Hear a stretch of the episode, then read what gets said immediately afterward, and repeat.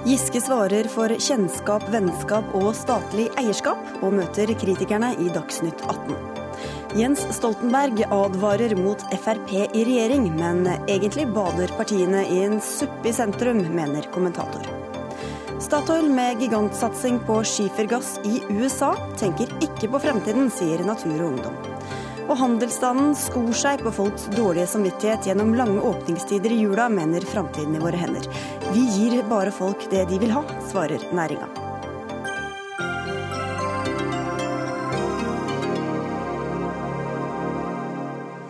Vel møtt til Dagsnytt 18, som du kan høre på NRK P2 eller se på nrk.no. Jeg heter Sigrid Solund. Vi skal snart til Stortinget, der det har vært høringer om statens eierskapsutøvelse i hele dag. Men først, velkommen til deg, Jens Stoltenberg. Tusen takk. For å ta litt om det, Hva sier det om regjeringen og Trond Giskes måte å drive politikk på når næringslivsledere og byråkrater må sitte en hel dag og svare på spørsmål på Stortinget? Nå har jeg ikke fulgt den høringen, men eh, det er jo slik at opposisjonen på Stortinget ønsker å eh, stille spørsmål. Det har de rett til, og det gjør de.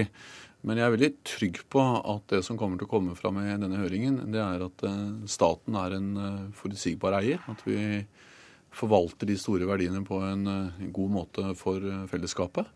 Og også at når det gjelder oppnevning av styremedlemmer, så er det altså, en bred sammensetning. De aller aller fleste har ingen politisk bakgrunn. Noen har politisk bakgrunn både fra Høyre, fra Arbeiderpartiet fra andre partier. Og slik bør det være, fordi det også ha politisk bakgrunn er en kvalifikasjon for å sitte i et styre. Men hva mener du at dere kan ta selvkritikk på i disse sakene, da? Jeg eh, opplever at Eh, det ikke har kommet fram noe i disse sakene som gjør at man skal ta selvkritikk, i betydning at her er det begått noen feil. Eh, men det var jo mye diskusjon om Telenor i vinter. Det handlet om salget av TV 2. Det er en ærlig diskusjon, men det fikk en etter min vurdering ryddig avklaring i forhold til Telenor. Så det er ikke noe dere vil gjøre annerledes i tiden framover etter de sakene som har vært oppe? Nei, jeg ser ikke at det er noen konkrete ting som er gjort feil. for Hvis det er noe vi skulle gjort annerledes, så må jeg kjenne at det var noen helt klare feil. Men at det er politisk diskusjon om dette, det må vi nå eh, respektere og akseptere. Eh, det avgjørende er at jeg mener at et tungt statlig eierskap er en viktig eh, del av den norske modellen, den norske økonomien. Fordi statlig eierskap sikrer nasjonal forankring av viktige bedrifter. Og det sikkert ikke minst fra eh, olje og gass, fra vannkraft, eh, store inntekter til fellesskapet. Ja, men Vi skal tilbake til dette, men du er her også i dag fordi du holdt den halvårlige oppsummerende pressekonferansen din i dag. En kort oppsummering derfra kan være ja til klima, til EØS-avtalen og til helse, og nei til Fremskrittspartiet og regjeringsskifte? Ja, det var en, hva skal jeg si, en veldig godt forsøk på å oppsummere hva jeg brukte minst en time på å si. Eh, så er det et, en god oppsummering. For å ta det første først. Du og Arbeiderpartiet anklager seg mange for å være klimaversting. Hva slags engasjement mener du selv du har for klimasaken? Jeg uh, opplever og har selv uh, opplevd meg selv som en person som er dypt bekymret for klima, og har vært det i hele mitt politiske liv. Helt siden jeg startet med det på 80-tallet. Var statssekretær i Miljøverndepartementet på 90-tallet og deltok på Kyoto og mye klimaarbeid på, gjennom mange år. Og Det som gjør meg dypt urolig, det er at eh, kunnskapen, de vitenskapelige bevisene for klimaendringer blir bare sterkere og sterkere. Men verdens evne til å handle har faktisk blitt svakere. Utslippene går opp i takt med at eh, kunnskapen om klimaendringer eh, øker. Og det er veldig alvorlig. Vi må gjøre ting hjemme. Vi skal følge opp klimaforliket. 10 milliarder til teknologifond, økt CO2-avgift på norsk sokkel, mer på samferdsel. Men det jeg varslet i dag, var det vi kalte førstehjelp til klima som handler om at en land må gå sammen om å gjøre ting mens vi forhandler. For nå forhandles det om en avtale. Det tar alt altfor mange år. Og mens vi forhandler, så må vi handle. Og da kan vi ikke gjøre oss avhengig av enighet i de store internasjonale konferansene. Og der er det to ting. Det ene er eh, det som kalles kortlivede klimagasser. Det er sot, det er metan. Der kan vi få store kutt raskt, billig. Eh, og det har vært en gruppe av land som har gått sammen om det. Uten noen forpliktelser ennå? Nei, men altså, jeg ønsker jo en sterk bindende avtale der alle verdens land deltar. Det er det klart beste. Men problemet er at årene går, utslippene vokser, så vi må gjøre noe mens vi arbeider eh, for avtalen. Vi må handle mens vi forhandler. Så vi kan ikke vente på den avtalen. Og da er kortlivede klimagasser der vi kan få de kanskje eh, veldig, raske og store kutt eh, i tillegg til skog. Eh, redusert avskoging er der vi har fått det største kuttene i klimagasser. Og eh, Norge har vært vesentlig bidragsyter til det. Men hva slags troverdighet har Norge i disse sakene, så lenge vi kjører på med olje og gass i det omfanget vi gjør? Altså, Norge har høy troverdighet. Det er derfor vi eh, så ofte blir bedt om å eh, spille sentrale roller i dette arbeidet. Den troverdigheten henger helt tilbake igjen til Gro Harlem Brundtlands tid som leder av eh, Kommisjonen for bærekraftig utvikling på 80-tallet. Eh, den går tilbake til den kompetanse og kunnskap våre forhandlere har. og Det er derfor f.eks. Norge og Bård Vegar Solhjell ledet forhandlinger i Doha.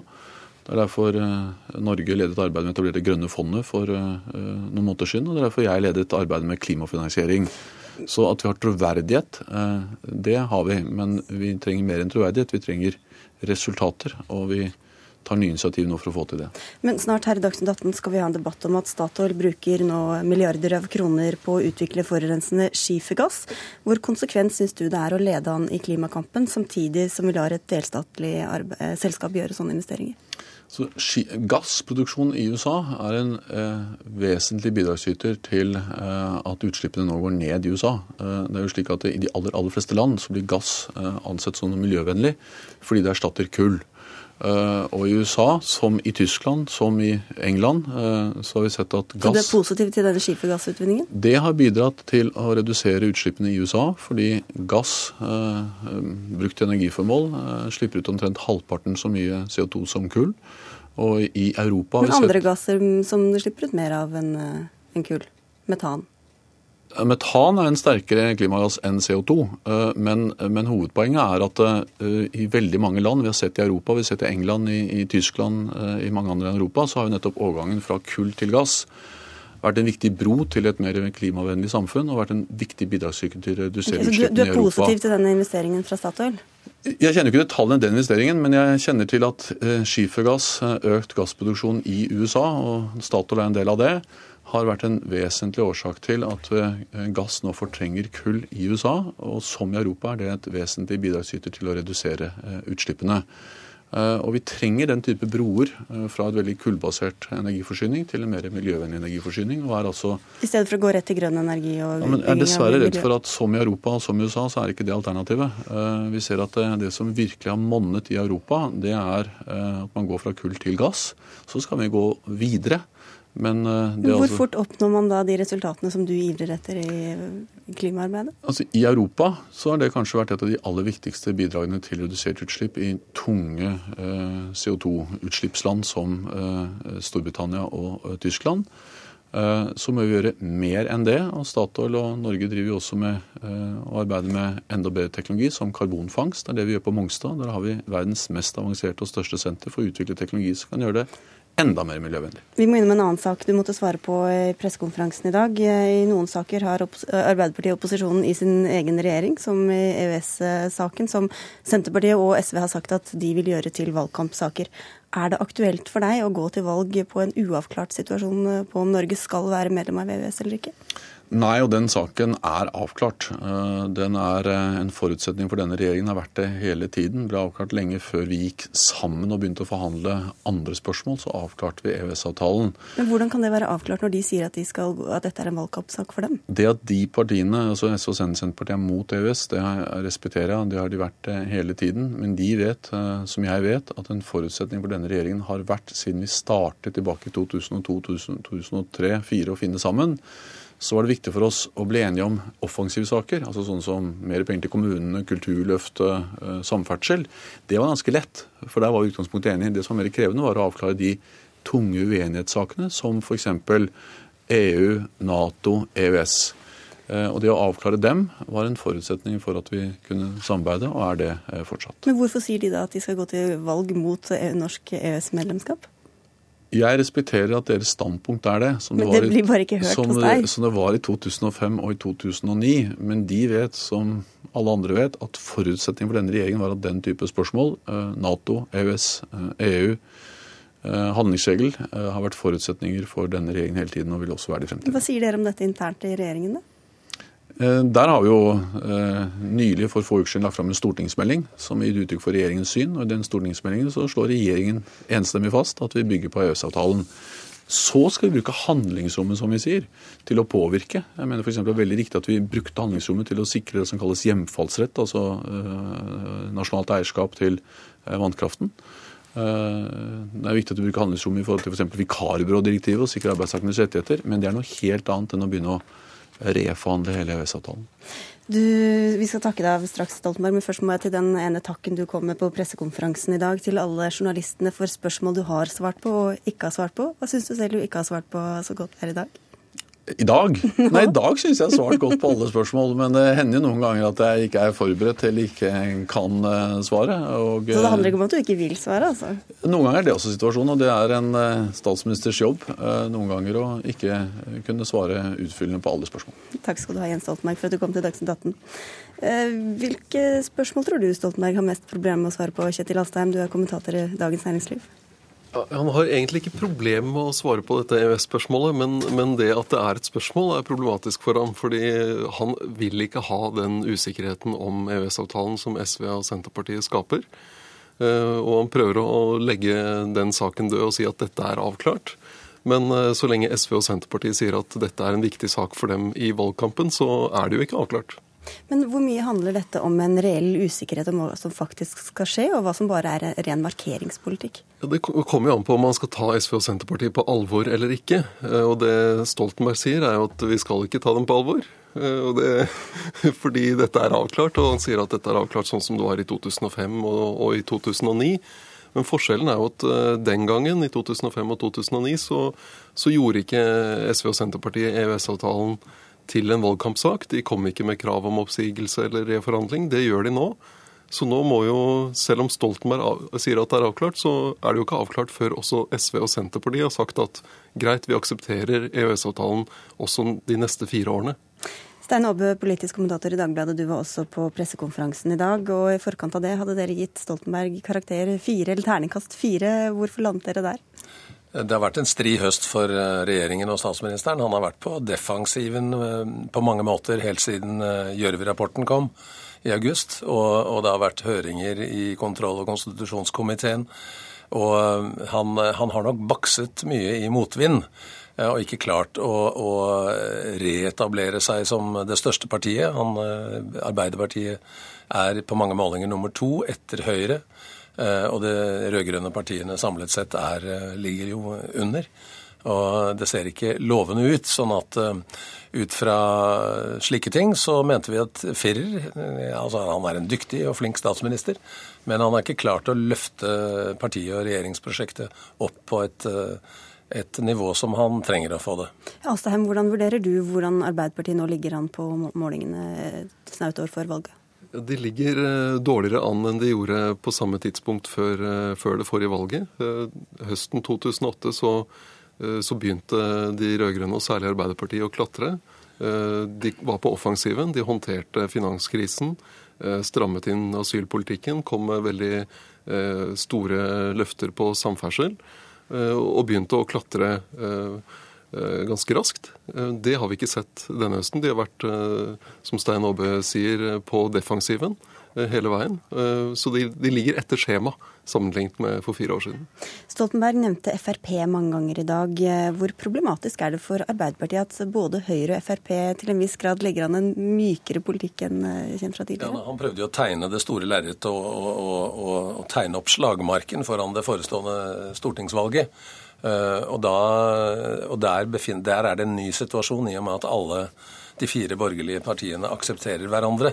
Eh, det betyr at Fremskrittspartiet er med i den borgerlige koalisjonen på en eller annen måte. En stor sannsynlighet for at Frp kommer i regjering hvis de vinner valget. Eh, og det er en indirekte måte å skremme med Frp på. Fordi han sier at tyngdepunktet innenfor den borgerlige koalisjonen da har gått til Høyre. Eh, mens, mens, man, altså Stoltenberg og, og de rød-grønne partiene tidligere slåss mot eh, ja, Høyre og, og, Venstre og Kristelig Folkeparti, eh, så, så, blir det nå mest sannsynlig et Altså at de politiske kompromissene nå ved en eventuell borgerlig regjering, de vil skje mellom Høyre og Fremskrittspartiet, og dermed på det grunnlag så mener han da at det er en mer høyreorientert koalisjon enn før. Men så har du, som du spurte om, eh, Høyre har jo beveget seg kraftig mot sentrum. Og Fremskrittspartiet har slipt veldig på sin eh, litt uh, skarpe profil for å gjøre seg stueren og, og, og, akseptabel som et ansvarlig regjeringsparti. Sånn at det er ikke så lett å se hvor det tyngdepunktet egentlig er, i og med at alle partiene er litt i bevegelse. Venstre har jo f.eks. Ifølge LO-lederen beveget seg til høyre for høyre i enkelte spørsmål.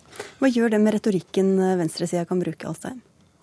Jeg, altså jeg tror det resonnementet Stoltenberg har om at uh, kompromissene vil skje mellom Høyre og Frp, det er jo, der er det en forutsetning at du har et Høyre, altså et blå-blått flertall. Et flertall for Høyre og Frp.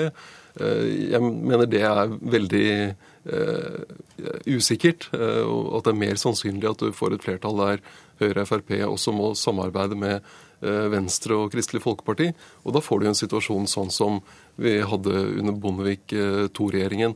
Men forskjellen blir at sannsynligvis vil Fremskrittspartiet sitte i regjering. Men den endringen ved at Høyre er blitt mykere, og altså Fremskrittspartiet også demper formuesskatteløftene sine, gjør jo at det blir litt vanskeligere for de rød-grønne Arbeiderpartiet å angripe de blå-blå. Det var kanskje litt overraskende at Jens Stoltenberg brukte så mye tid på å snakke om klima i dag. Hvorfor omfavnes han ikke mer av miljøbevegelsen? Eh, ja, jeg er enig i at det var eh, det overraskende. Eh, og Du så det også i finansdebatten, der han hadde et timinutters innlegg og brukte overraskende mye av det, innlegget til å snakke om klima- og, og regnskogprosjektet. Jeg tror grunnen til at han ikke skaper mer begeistring i miljøorganisasjonen, er at han har en, er hans løsninger. At han er veldig opptatt av de store økonomiske virkemidlene, avgifter, en pris på, på CO2 og klimakvoter.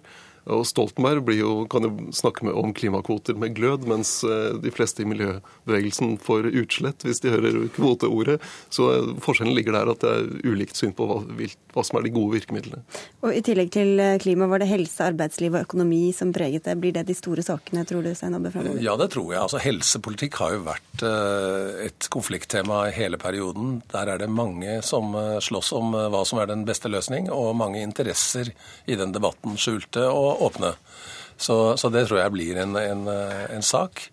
Eh, der slåss eh, Stoltenberg og Arbeiderpartiet mot eh, egne, altså sine allierte i regjering, som vil ha en annen modell.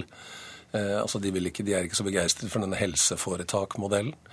Og så har du jo Høyre og Fremskrittspartiet som vil privatisere noe mer og utnytte de private klinikkene bedre. Så jeg tror det blir en eh, viktig valgkamp. Men men Stoltenberg, jeg tror hans strategi går ut på å etablere et bilde med hovedkonflikter mellom to store blokker. Fordi eh, de årene som har gått nå, så har han vært kommet på defensiven. Fordi det er mange ulike og kompliserte saker hvor Arbeiderpartiet nødvendigvis blir sittende om å forsvare seg selv.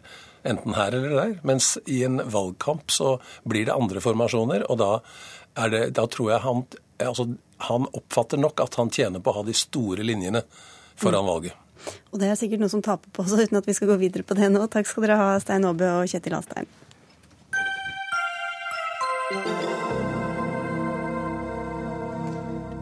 Om en stund skal vi tilbake til høringene i Stortinget, men først til en allerede varslet eh, debatt. For Statoil vil altså bruke 3,3 milliarder kroner på et 280 kvadratkilometer stort skiferområde nordøst i USA. Her skal selskapet utvinne skifergass og bli med dette kjøpet operatør i alle de viktigste skiferområdene i USA. Bård Glad Pedersen, pressetalsmann i Statoil, hvorfor vil dere investere dette? Vi er jo veldig stolte av den, eh, det kjøpet som vi har kunnet annonsert i dag. Dette er en mulighet til å være med og produsere eh, gass i en av de mest attraktive områdene i, i Nord-Amerika. Det vi ser nå i Nord-Amerika er jo en energirevolusjon, der man for ganske få år siden eh, planla for å kunne importere store mengder flytende gass fra utlandet. Så har man gjennom bruk av teknologi, egentlig kjent teknologi, kunnet utvinne ressurser som før ikke var mulig å utvinne, som gjør at man nå forventer å være selvforsynt i et hundreårsperspektiv eh, med gass i, i, i USA. Og vi ser en lignende utvikling også innenfor olje. Klarer du helt kort å, å fortelle hva er egentlig skifergass? Skifergass er vanlig gass, eh, så det er den samme gassen som vi kjenner fra, fra Norge, men den utvinnes på en annen måte fordi at reservoarene er, er, er, annerledes. Så Det betyr at vi må utvinne det gjennom uh, frekking eller frakturering, der man injiserer vann og sand og noe kjemikalier for å frigjøre uh, gassen. Silje Lundberg, leder i Natur og Ungdom. Hva syns du om den siste investeringen? Jeg synes eh, ikke at det her er en god investering. Jeg syns ikke altså, at Statoil kommer til å tjene penger på det her, er helt klart det. Men hvis eh, man faktisk ser etter investeringer som er for framtida, og som både vil eh, ta oss med videre og løse klimaproblemet, men som også tar inn over seg lokale miljøforhold, så er ikke skifergass noe som man kan satse på. De fikk jo et klapp på skulderen fra Stoltenberg før sendingen. Ja, du, jeg la merke til det, og det synes jeg ikke er et klapp som man bør eh, drive og dele ut til dem som er involvert i skifergass. Der er det Det er, kan ikke sammenlignes med det som vi holder på med i Nordsjøen. Det er to vilt forskjellige måter å, å få ut eh, gassen på. Eh, og det som man også vet, er jo at i USA har det jo ene er at det er mye lokal motstand mot det, men det andre er jo også at her har man jo fått nye rapporter som viser at fracking er med på å forurense grunnvannet. Vi ser jo at dette skaper veldig stor optimisme i, eh, i, USA.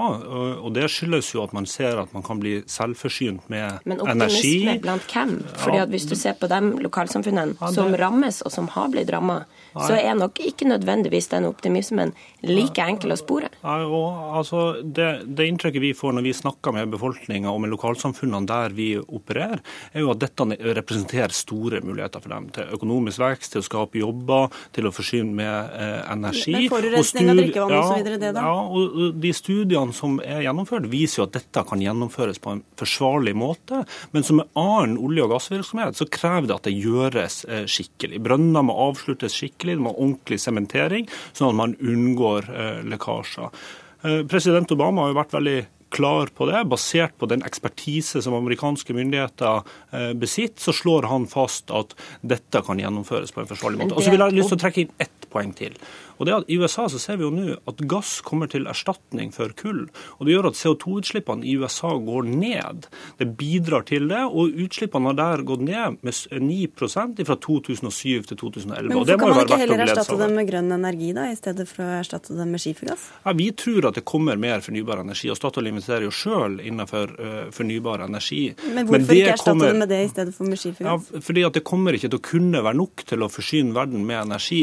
Voksne Eh, befolkning i verden, voksende velstand i stadig større områder, må, gjør at vi trenger det som amerikanerne kaller en all of the above energy strategy. Altså Man trenger mange energikilder. Olje og gass kommer til å være helt vesentlige deler. Og når gass erstatter kull, så går CO2-utslippene altså ned. Man må ned. slutte med denne grønnvaskinga av gassen. Det er noe som vi har sett en vanvittig oppblomstring av de siste årene. og det er liksom Om du kaller det naturgass eller kaller det fossilgass eller hva du ønsker å kalle det, CO2-utslipp er det knytta til den gassen.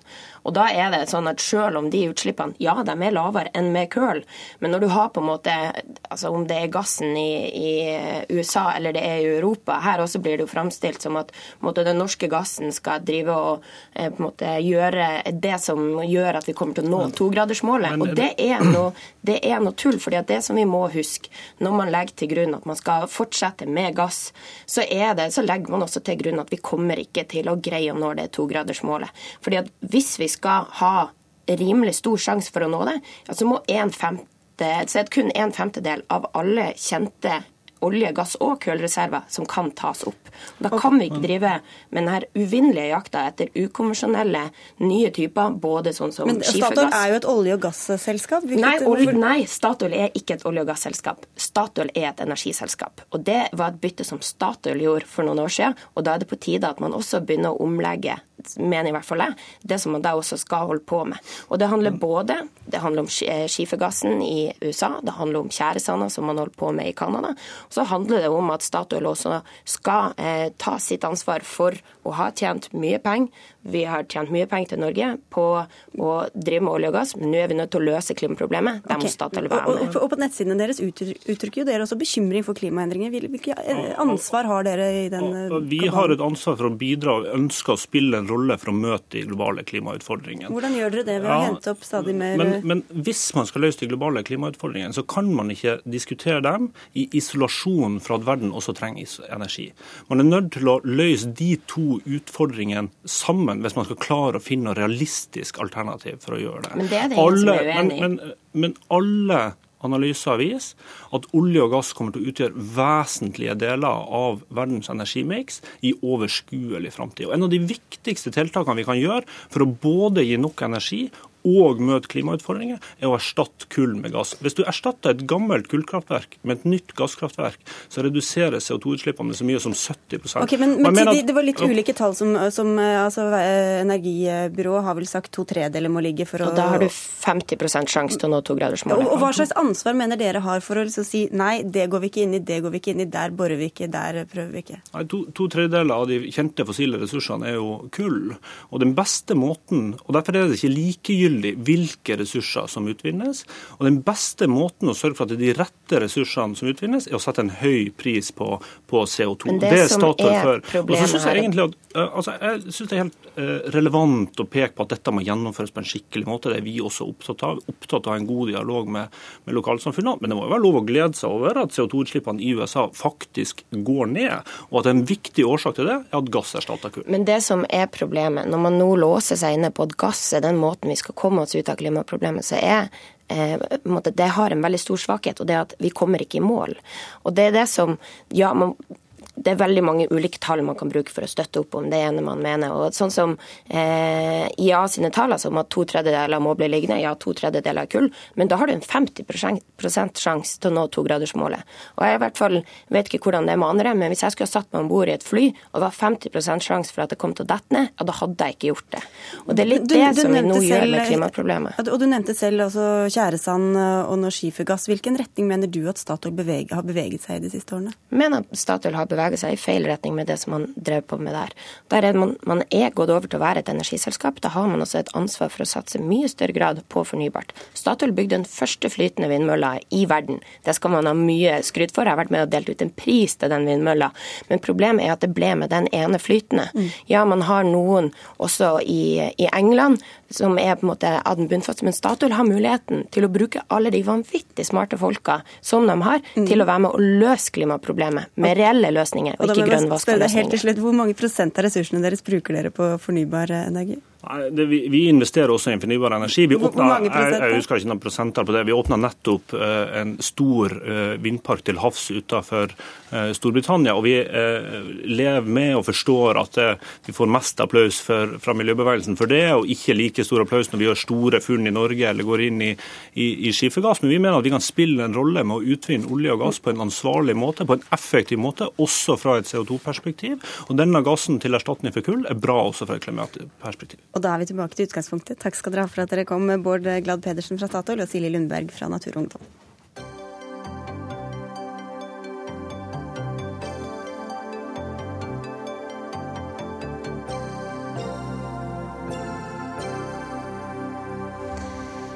Alle som ikke har handlet julegaver ennå, kan det bli sene kvelder framover. En del kjøpesentre holder åpent til midnatt, så nordmenn kan fortsette å stadig sette rekord i juleshopping, mens reklame på alle hold forteller oss hva vi burde kjøpe til jul. Arild Hermstad, leder i Framtiden i år, hender, du var sikkert ivrig etter å være med i forrige debatt, men nå er det denne du er invitert til. Hva synes du at handelsstanden gjør med jule, jula? Vi føler at handelsstanden prøver å melke det som en merkevare for å tjene mest mulig penger.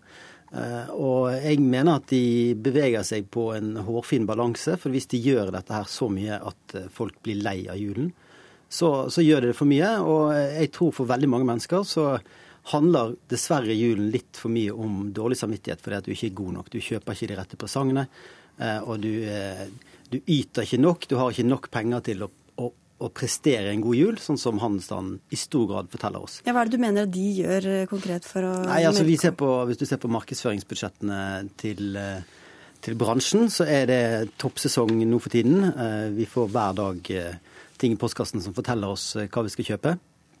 I tillegg så er det jo sånn at de hauser dette opp med døgnåpne butikker, som de også forteller oss på mange måter at nå må du løpe og kjøpe til alle døgnets tider. Thomas Angel, direktør i Virke handel. Hva slags press legger dere på folk når dere stadig utvider åpningstidene? Nei, Jeg syns ikke vi legger noe spesielt press på befolkningen ved å ha lengre åpningstider. Dette er ment som et tilbud til forbrukerne, så de kan rekke over det. For det er et stress og et pes foran jul, det vet nok alle. Hvem er det som bidrar til det, da? Ja, Det er eh, selvsagt eh, gjør handelen sitt ved å markedsføre varene sine. Men vi skal også huske på at eh, sånn som vi har innrettet oss her i landet, med jul på begynnelsen av en sesong, nemlig vintersesongen, så kommer dette oppå hverandre. og til vinteren så skal folk ha ski og skøyter og boblejakker osv. Og, og, og veldig mye av julegavene og julegavestresset det er for å skaffe seg den, den type ting. Det, som man ville skaffet seg selv om ikke vi feiret jul. Men at, at, jula kommer i vinteren er vel ikke noe sånn veldig nytt? Nei, selvfølgelig ikke.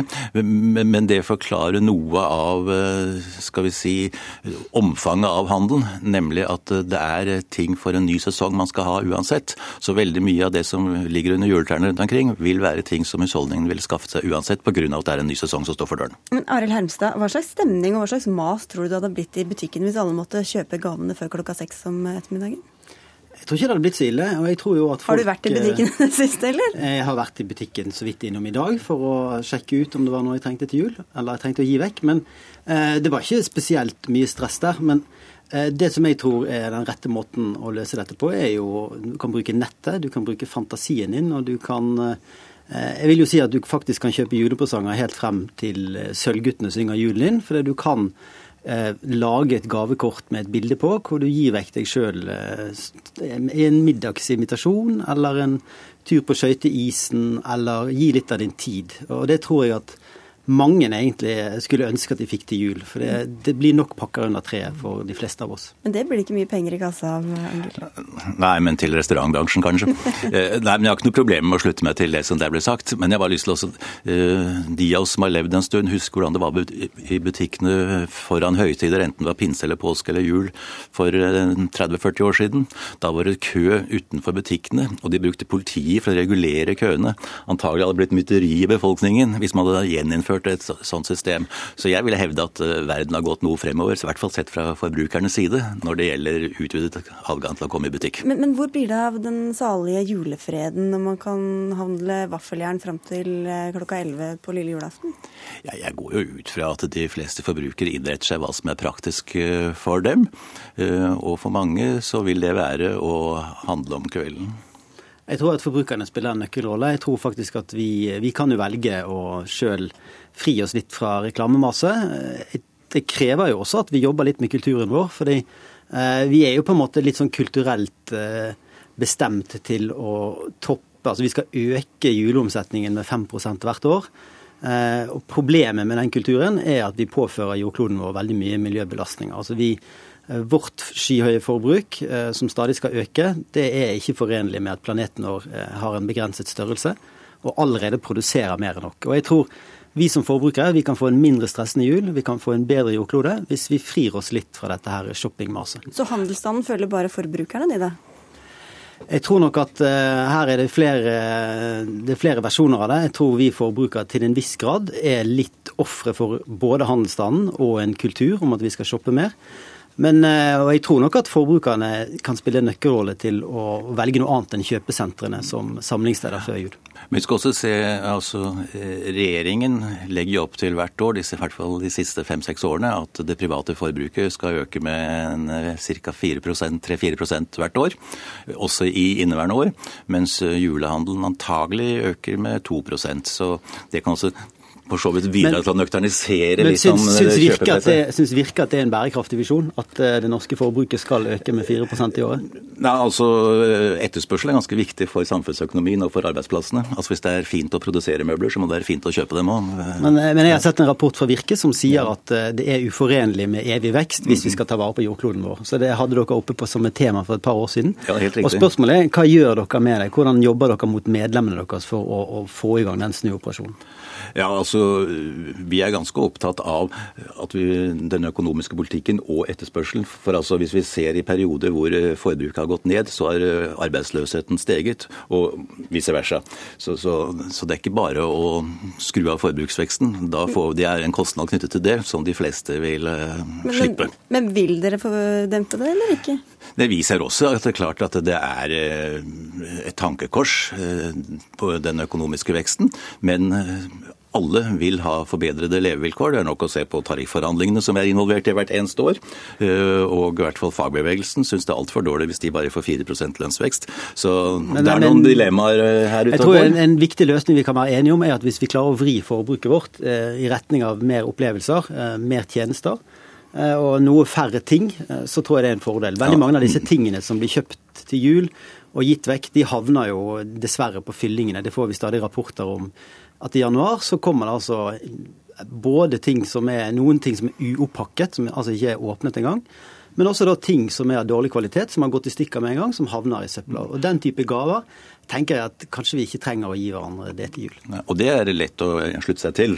Og, men da er jeg også litt for optimist, for så vidt. For vareforbruket som andel av privatforbruk, det går ned. Så altså det du etterlyser, det er i god gjeng. Hvis du kunne gi en julegave til Thomas Angel, hva hadde det vært? Nei, Det var kanskje at klimagassutslippene i Norge begynte å gå ned, som følge av at vi, vi ikke var så opptatt av å kjøpe flere ting til hverandre, men at vi heller ga vekk mer tid. Du, du, kan jo prøve å komme på en litt mer realistisk julegave til sidekameraten din, Angel. Ja, men han har sikkert ski og skøyter som jeg er opptatt av. Så det. vi har jo alt, de fleste av oss. Ja, Vi får si god jul, da. Eller uh, takk skal dere ha, i hvert fall Arild Hermstad og Thomas Angel fra Virke.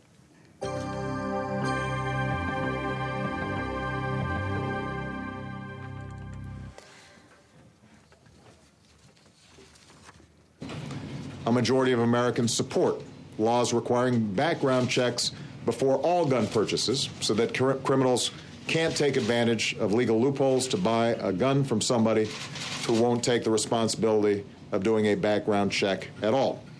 Der hørte vi USAs president Barack Obama som akkurat har holdt tale om arbeidet med å endre våpenloven etter den rystende barneskolemassakren i Connecticut, hvor 26 mennesker ble drept. Og Jan Espen Kruse, hva var det Obama sa i denne talen? Ja, Han eh, prøvde å framstå som mer offensiv. Eh, da han holdt talen i Newtown i Connecticut, eh, så framsto han jo som litt passiv. At han ikke riktig visste hva han skulle gjøre videre. Nå sa han, gjentok igjen, at alt må gjøres for å hindre lignende tragedier skal skje i, i tiden framover. Som vi hørte i dette lille kuttet, så sa han at flertallet av amerikanerne er mot det man kaller angrepsvåpen, altså disse mer militærlignende våpen. Våpnene disse som har blitt eh, brukt i forskjellige typer av disse massakrene, hvor de virkelig eh, skyter med halvautomatisk eller automatisk våpen, hvor, hvor, kulene spruter ut av disse riflene i en voldsom hastighet. Eh, forferdelig ødeleggende våpen. Eh, det har vært tidligere et slikt eh, forbud mot den typen våpen. I talen så antydet Obama at, eh, at de skal vurdere en, en ny type våpen. Han sa at Joe Biden, visepresidenten, skal altså lede denne kommisjonen som skal legge fram konklusjoner i løpet av januar. Ganske, ganske hurtigarbeidende, altså. Hva tror du er sannsynligheten for at det faktisk ender i et forbud? Nei, jeg tror ikke den sjansen er så veldig stor. altså, som det har blitt påpekt, så er det ikke så veldig mange sentrale amerikanske politikere som har skiftet mening i denne saken. Det er ikke så mange som tidligere har støttet alle typer våpen og gått mot alle begrensninger, som nå sier at de har skifta mening. Så det er klart at etter denne tragedien så er det et veldig press på alle politikere om å gjøre noe. Men innerst inne så er det forferdelig vanskelig å få endra på holdningen eh, hos eh, flertallet av amerikanerne når det gjelder våpen. Hvor stor politisk og økonomisk makt har den eh, våpenlobbyindustrien i USA? Ja, Den har jo forbausende stor politisk makt, eh, i tillegg til den økonomiske. Altså, eh, Det er vel eh, NRA, altså denne rifleorganisasjonen oversatt på norsk, som, som, er, som regnes som kanskje den sterkeste lobbyorganisasjonen, påvirkningsorganisasjonen i hele USA. Og det er helt forbausende hvor livredde amerikanske politikere er for å ta i denne saken. Hollywood-stjerner har blitt skrevet om i dag. De låner navnene sine til kamp mot hvalfangst, pels, hva som helst. Men å låne navnene sine til våpen, antivåpen, det er det ingen som gjør. Men hva har de sagt i etterkant av den massakren, da? Eh, nei, altså, eh, Det er jo igjen konklusjonen at eh, til og med NRA har sagt at noe må gjøres. De skal være konstruktive i sitt arbeid. Men hva det betyr, det er det ingen som vet. Men de tør i hvert fall ikke gå ut og si at de vil sabotere alle tiltak som, som, Obama vil komme med nå. Og der, Obama prøver nå å komme på offensiven og, og prøve å bruke stemningen i det amerikanske folk til å, å få gjennomført noe konkret. Da gjenstår det å se hva det kan munne ut i. Takk skal du ha for at du kom til Dagsnytt 18, Janne Kruse.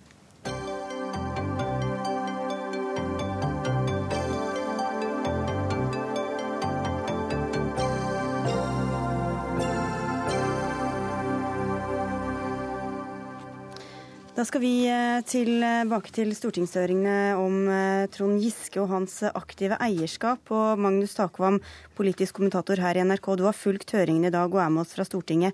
Hva er eh, kommet fram i dag? Ja, det har jo vært en lang dag der først de to store børsnoterte selskapene med staten som majoritetsaksjonær, Telenor og Kongsberg Gruppen, var i ilden. Den mest interessante biten var, var vel, slik de fleste ser det, Telenors Eh, styreprosess. Eh, der vil jeg si det kom fram eh, slik at altså, tillitsvalg, De tillitsvalgte fra Telenor og Kongsberg Gruppen var relativt pragmatiske og moderate i sine vurderinger av prosessen. Men det var likevel i underteksten helt klart at dette var en uvanlig prosess, i og med at innspillene til eh, styremedlemmer fra departementet kom veldig sent. slik at de særlig i Telenors tilfelle, ikke ble gjenstand for den samme si, intervjurunden og, og, vurderingen som de øvrige styremedlemmene eh, skjedde. Men det skjedde på en måte innenfor handlingsrommet en eh, statsråd og et departement har, på grensen av det, vil jeg si. Men det som ikke eh, kom frem og som ble tematisert, var hvorfor Trond Giske, slik alle nå vet, og departementet spilte inn konkret Tore O. Sandvik, som alle kjenner som en nær venn av Giske, som en av de mulige styrerepresentantene på overtid. Hvorfor var det så viktig å gjøre det på overtid? Det er kombinasjonen av dette tidsaspektet og personvalget som jeg syns er det pikante. Og det har vi ikke fått et godt svar på, fordi Giske sier han ikke vil vurdere navn. Hmm. Vi kan jo høre, vi skal høre fra Giske straks, og mer fra deg også etter hvert, eh, Magnus Takvam. Vi går til deg først. Eh, per Kristian Foss fra Høyre, du er altså medlem i kontroll- og konstitusjonskomiteen på Stortinget, som har hatt disse høringene om eh, hvorvidt Trond Giske har utøvd for mye press overfor statlige og delstatlige selskaper i rollen som næringsminister. Og hvilket inntrykk sitter du igjen med etter dagens høringer? Inntrykket er fast, nemlig at prosessen både i Telenor og i Kongsberg Gruppen var uheldig. Og innspillet av uh, Tore Sandvik som kandidat uh, vil jeg fortsatt karakterisere som et forsøk på kameraderi.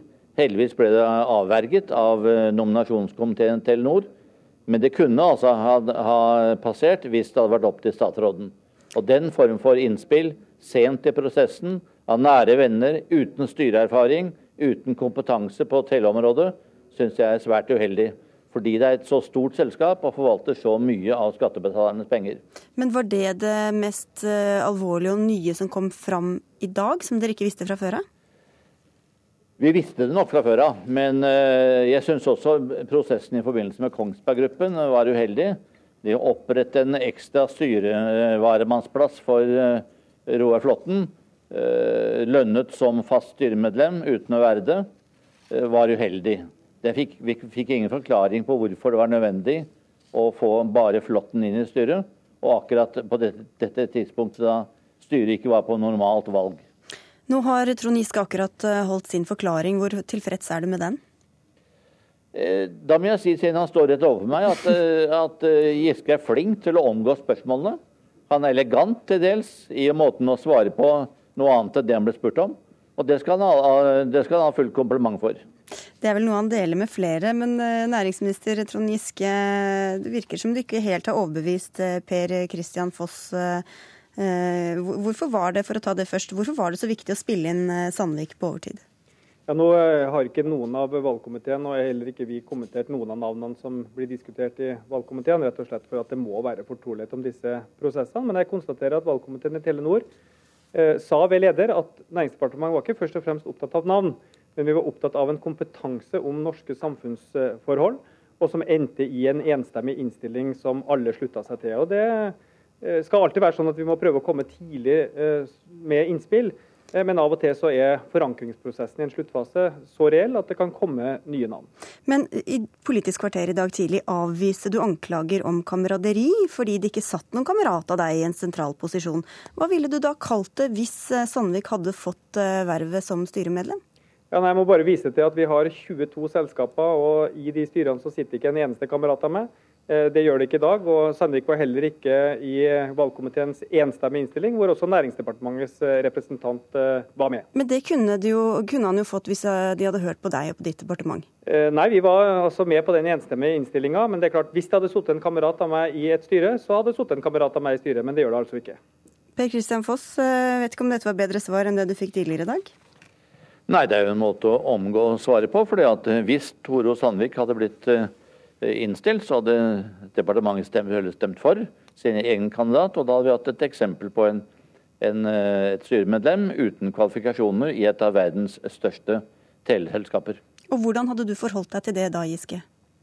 Nei, som sagt, altså, Vi har en veldig god nominasjonskomité i Telenor. Vi har god representant fra næringskomiteen som vurderer alle navn på en god og profesjonell måte og endte opp i en enstemmig innstilling. Eh, Telenor sa jo sjøl at man vurderte 60-70 navn i denne prosessen. Men det var ikke det jeg spurte om. Hvordan hadde du forholdt deg til det dersom eh, deres, eh, det navnet dere spilte inn faktisk hadde endt opp som styremedlem? Ja, men det gjorde det ikke. og Hvis jeg skal begynne å svare på alle hypotetiske Men Hvorfor spilte dere ham inn da? Ja, Vi kommenterer ikke hvilke navn blant de 60-70 som ble vurdert som er våre navn. Vi kommenterer en enstemmig innstilling fra Telenor, og også valgkomiteens leder sa at han ikke følte at han ble utsatt for press, men klare ønsker fra eh, Næringsdepartementet om å få en bedre samfunnsforståelse, særlig for norske forhold, inn i Telenor. Og om ikke Telenor skulle ha den kompetansen inn i sitt eh, styre, da vet jeg ikke helt hvilken kompetanse man skal ha. Men med tanke på din eh, kommentar da i dag morges, hadde det da vært kameraderi dersom din kamerat hadde kommet inn i det styret? La meg si det sånn, at Hvis jeg hadde hatt en nær kamerat i et styre, eh, så hadde jeg hatt en nær kamerat i styret. Men det har jeg altså ikke i et eneste styre av de 22 selskapene vi har. Og jeg har ikke hatt det på tre år. Så nå må man slutte å snakke om dette kameraderiet. Ja, men det var din definisjon i dag tidlig som jeg da spurte om eh, fortsatt ville gjelde hvis eh, din kamerat hadde sittet i styret? Ja, men det gjør den ikke. Nei? Nei. Men... Jeg, jeg syns en ting. Jeg syns Giske skulle være hjertelig takknemlig for at nominasjonskomiteen i Telenor gjorde som de gjorde. At de reddet det her i realiteten. Men Per Kristian Foss, hva i dag ble du, om noe, ble du overrasket over av det som kom fram? Nei, det kom ikke frem mye nytt. Men vi fikk, vi fikk uh, valgkomitémedlemmene og styremedlemmenes egne ord på sakene. I forsiktige diplomatiske vendinger. Jeg syns uh, Harald Norvik kom med mange Han er jo nå ikke, ikke styreleder lenger, så han står fritt. Han kom med mange fornuftige formaninger, bl.a. til dette om at uh, den politiske prosessen med å velge styremedlemmer i departementet må skje mer parallelt med prosessen i selskapene, slik at alle kandidater blir vurdert på, på samme, samme, måte. Det er et godt råd. Men samtidig avviste de eh, press, sånn som dere har antydet at eh, de var eh, under. Hva sier det om, eller Har du fortsatt av dine ord i behold? ja, det skulle jo bare mangle at når en eier som eier 58-59% stiller opp og sier kom med en kandidat, så så oppleves det nok som et press. Eh, mer enn hvis en, kan, en uh, eier med 2-3% bak seg kommer med en kandidat. Det sier seg jo selv. Men hva var da poenget eller konsekvensen av de høringene og alt oppmerksomheten det har vært rundt det i dag? Nå skal vi skrive innstilling hvor vi kommer til å si en del om statens måte å utøve eierskapspolitikk på. Og det håper jeg kan være et bidrag til uh, å lære noe av det som har skjedd. Trond Giske, hva har du lært? Jeg har lært at det er veldig stor avstand mellom de jeg vil si nesten skjellsordene og beskyldningene om kameraderi, om korrupsjon, om mafiavirksomhet, som Frp har kalt det, eh, som man har kommet med fra opposisjonen i mediene, og det man faktisk kommer inn i en formell høring hvor ting må underbygges, fakta må sjekkes, eh, der er det en helt annen tone.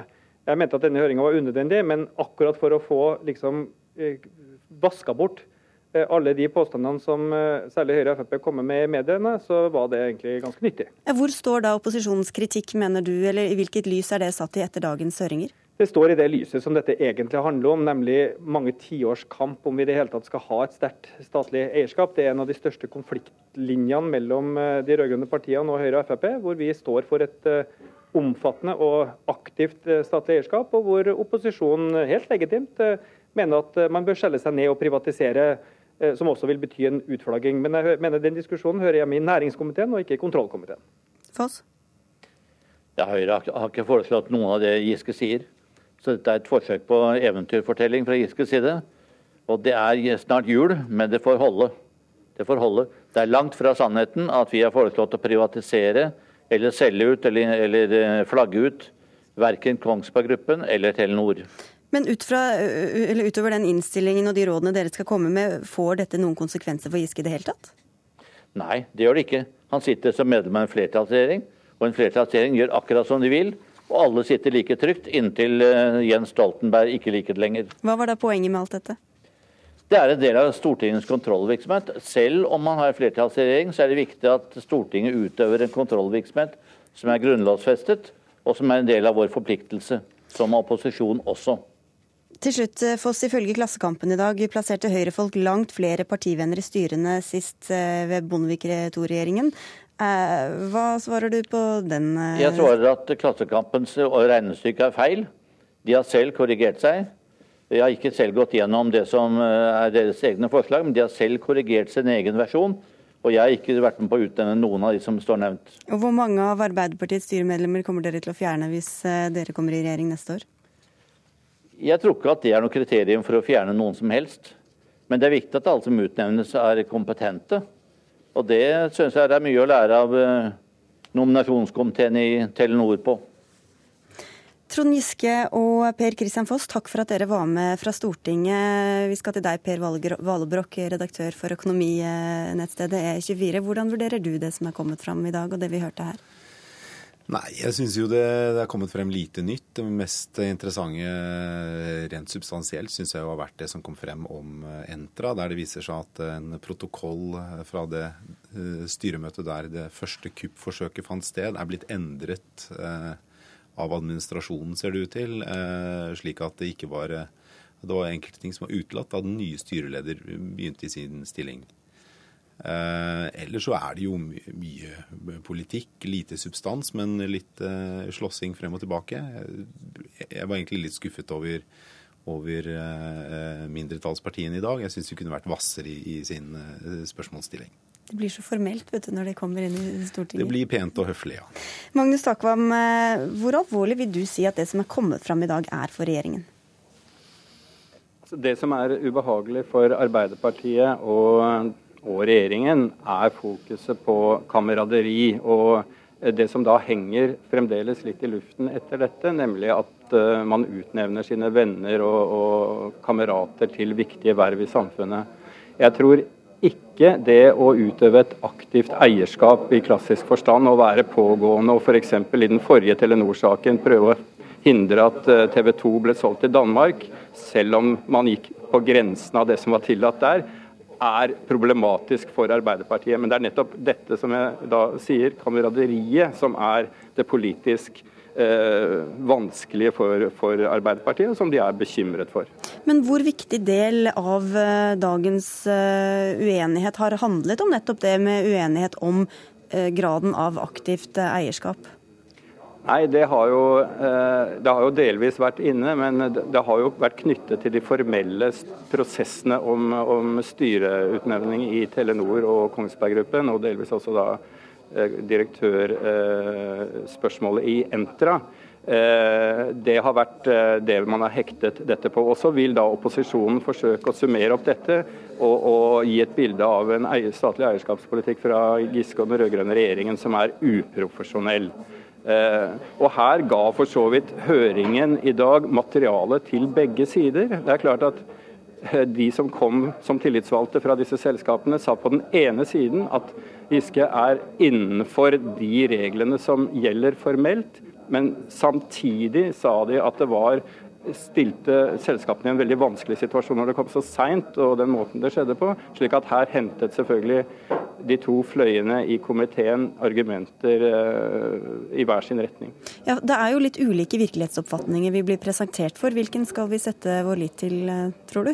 Eh, sånn er politikken, holdt jeg på å si. Heldigvis. Der er det ikke noe altså, Det spørs hva man da legger vekt på. Men jeg tror nok at opposisjonen kanskje var litt skuffet i hermetegn over at representantene for, fra Telenor, særlig kanskje da også Kongsberg Gruppen, var såpass moderate når det gjaldt å karakterisere de prosessene som vi snakker om. Det er klart at Da det skjedde fysisk, helt konkret i eh, sann tid, så, så, sa de også til oss når vi snakket med de etterpå, at da var frustrasjonen i Telenors nominasjonskomité veldig høy. Eh, men når man da har roet seg litt ned og sett på dette mer formelt, så, så blir tonen en annen. Valbrokk, eh, det var jo ikke noen fra styrene som ville vedgå at de var presset. Hvor ærlige tror du de var eh, i Stortinget i dag? Nei, Jeg tror jo de var ærlige, at de fortalte sannheten i, under dagens høring. Og jeg tror det er noe med det at når støvet legger seg, så oppleves den type signaler Eh, mindre viktige og presserende kan man si, enn de gjør i sin sanntid. Eh, og jeg tror om Giske, hvis man skal konkludere hva, som, eh, hva han har gjort eller ikke gjort, så man, tror jeg hans største synd kanskje har vært at han har vært vel ivrig i enkelte saker. Og kanskje litt for lite ivrig i Entra-saken, hvor han vel må kunne anklages for en unnlatelsessyn og ikke rydde opp tidligere i, i, det rotet som var der. Men hva har dagens høringer gjort med ditt syn på saken og på Giskes utøvelse? Jeg syns Giske i sum kom noe styrket ut av det. Jeg syns det var synlig på ham at han har gledet seg til denne høringen. Jeg tror han på at han syns eh, den ikke hører sted i en stortingshøring, selv om jeg skjønner godt eh, opposisjonen, eh, opposisjonens ønske om å ha den. Eh, og jeg syns det er nok av spørsmål å stille Trond Giske. Eh, men i sum syns jeg han kom godt ut av det. Og, og han, han, han, er jo flink til å ikke svare på spørsmål på en måte som gjør, får det til å høres ut som om han svarer på dem. Eh, og, og, han kunne jo fint ha vært mer konkret på Telenor, og der slipper han veldig billig unna. Og Harald Norvik forklarte seg også i dag. Han ble i praksis avsatt fra Telenors styre tidligere i år etter en konflikt i forbindelse med salg av TV 2. Hvilket inntrykk gjorde hans forklaring? Nei, han virker jo eh, absolutt solid. Det syns jeg han har gjort hele, hele veien. Uh, Eh, jeg tror jo han først og fremst eh, Og jeg, syns for så vidt også det er på mange måter riktig at han måtte gå etter den utblåsingen han hadde mot eh, sin største eier. Noe annet ville vært rart om ikke eieren ønsket å bytte ut en slik styreleder. Men hans opptreden har jo hele tiden vært ryddig, så, så vidt jeg kan forstå. Magnus Takvam, hvor står Trond Giske etter dagens høringer og etter at hele denne saken nå legger seg? Nei, eh, Trond Giskes politiske profil er jo som en veldig aktiv politiker, i, eh, i, eh, i, motsetning til en god del andre som jo blir kritisert for å være handlingslammet, nærmest. Han er også en politiker som, som vet å spille på nettverk, og som, som, gjør raske svinger. Men jeg tror ikke dette har svekket han i hans miljøer. Han, han greier å stå i en storm. Hva med opposisjonen i etterkant? Hvor nødvendig virket disse høringene når eh, dagen nå er over? Nei, Det kom jo svært lite nytt, som vi var inne på, uh, ut av høringene, bortsett fra denne opplysningen om styreprotokollen i, i Entra. Og eh, altså Bakgrunnen for at saken i det hele tatt kom opp, var jo i hvert fall Telenor og Kongsberg Gruppen, var jo medieoppslag stort sett, som på en måte komiteen ville sjekke ut om stemte med virkeligheten. Og så fikk man bekreftet de saksforholdene uten at man da kom så veldig mye videre. Men jeg har full forståelse for at opposisjonen vil utnytte det som ligger i disse sakene politisk. Takk skal du ha, Magnus Takvam, for at du var med direkte fra Stortinget. Og takk til deg, Per Valgebrokk fra økonominettstedet E24. Dagsnytt 18 er over for denne gang. Ansvarlig for innholdet var Dag Dørum. Teknisk ansvarlig Per Ivar Nordahl, og jeg heter Sigrid Solund.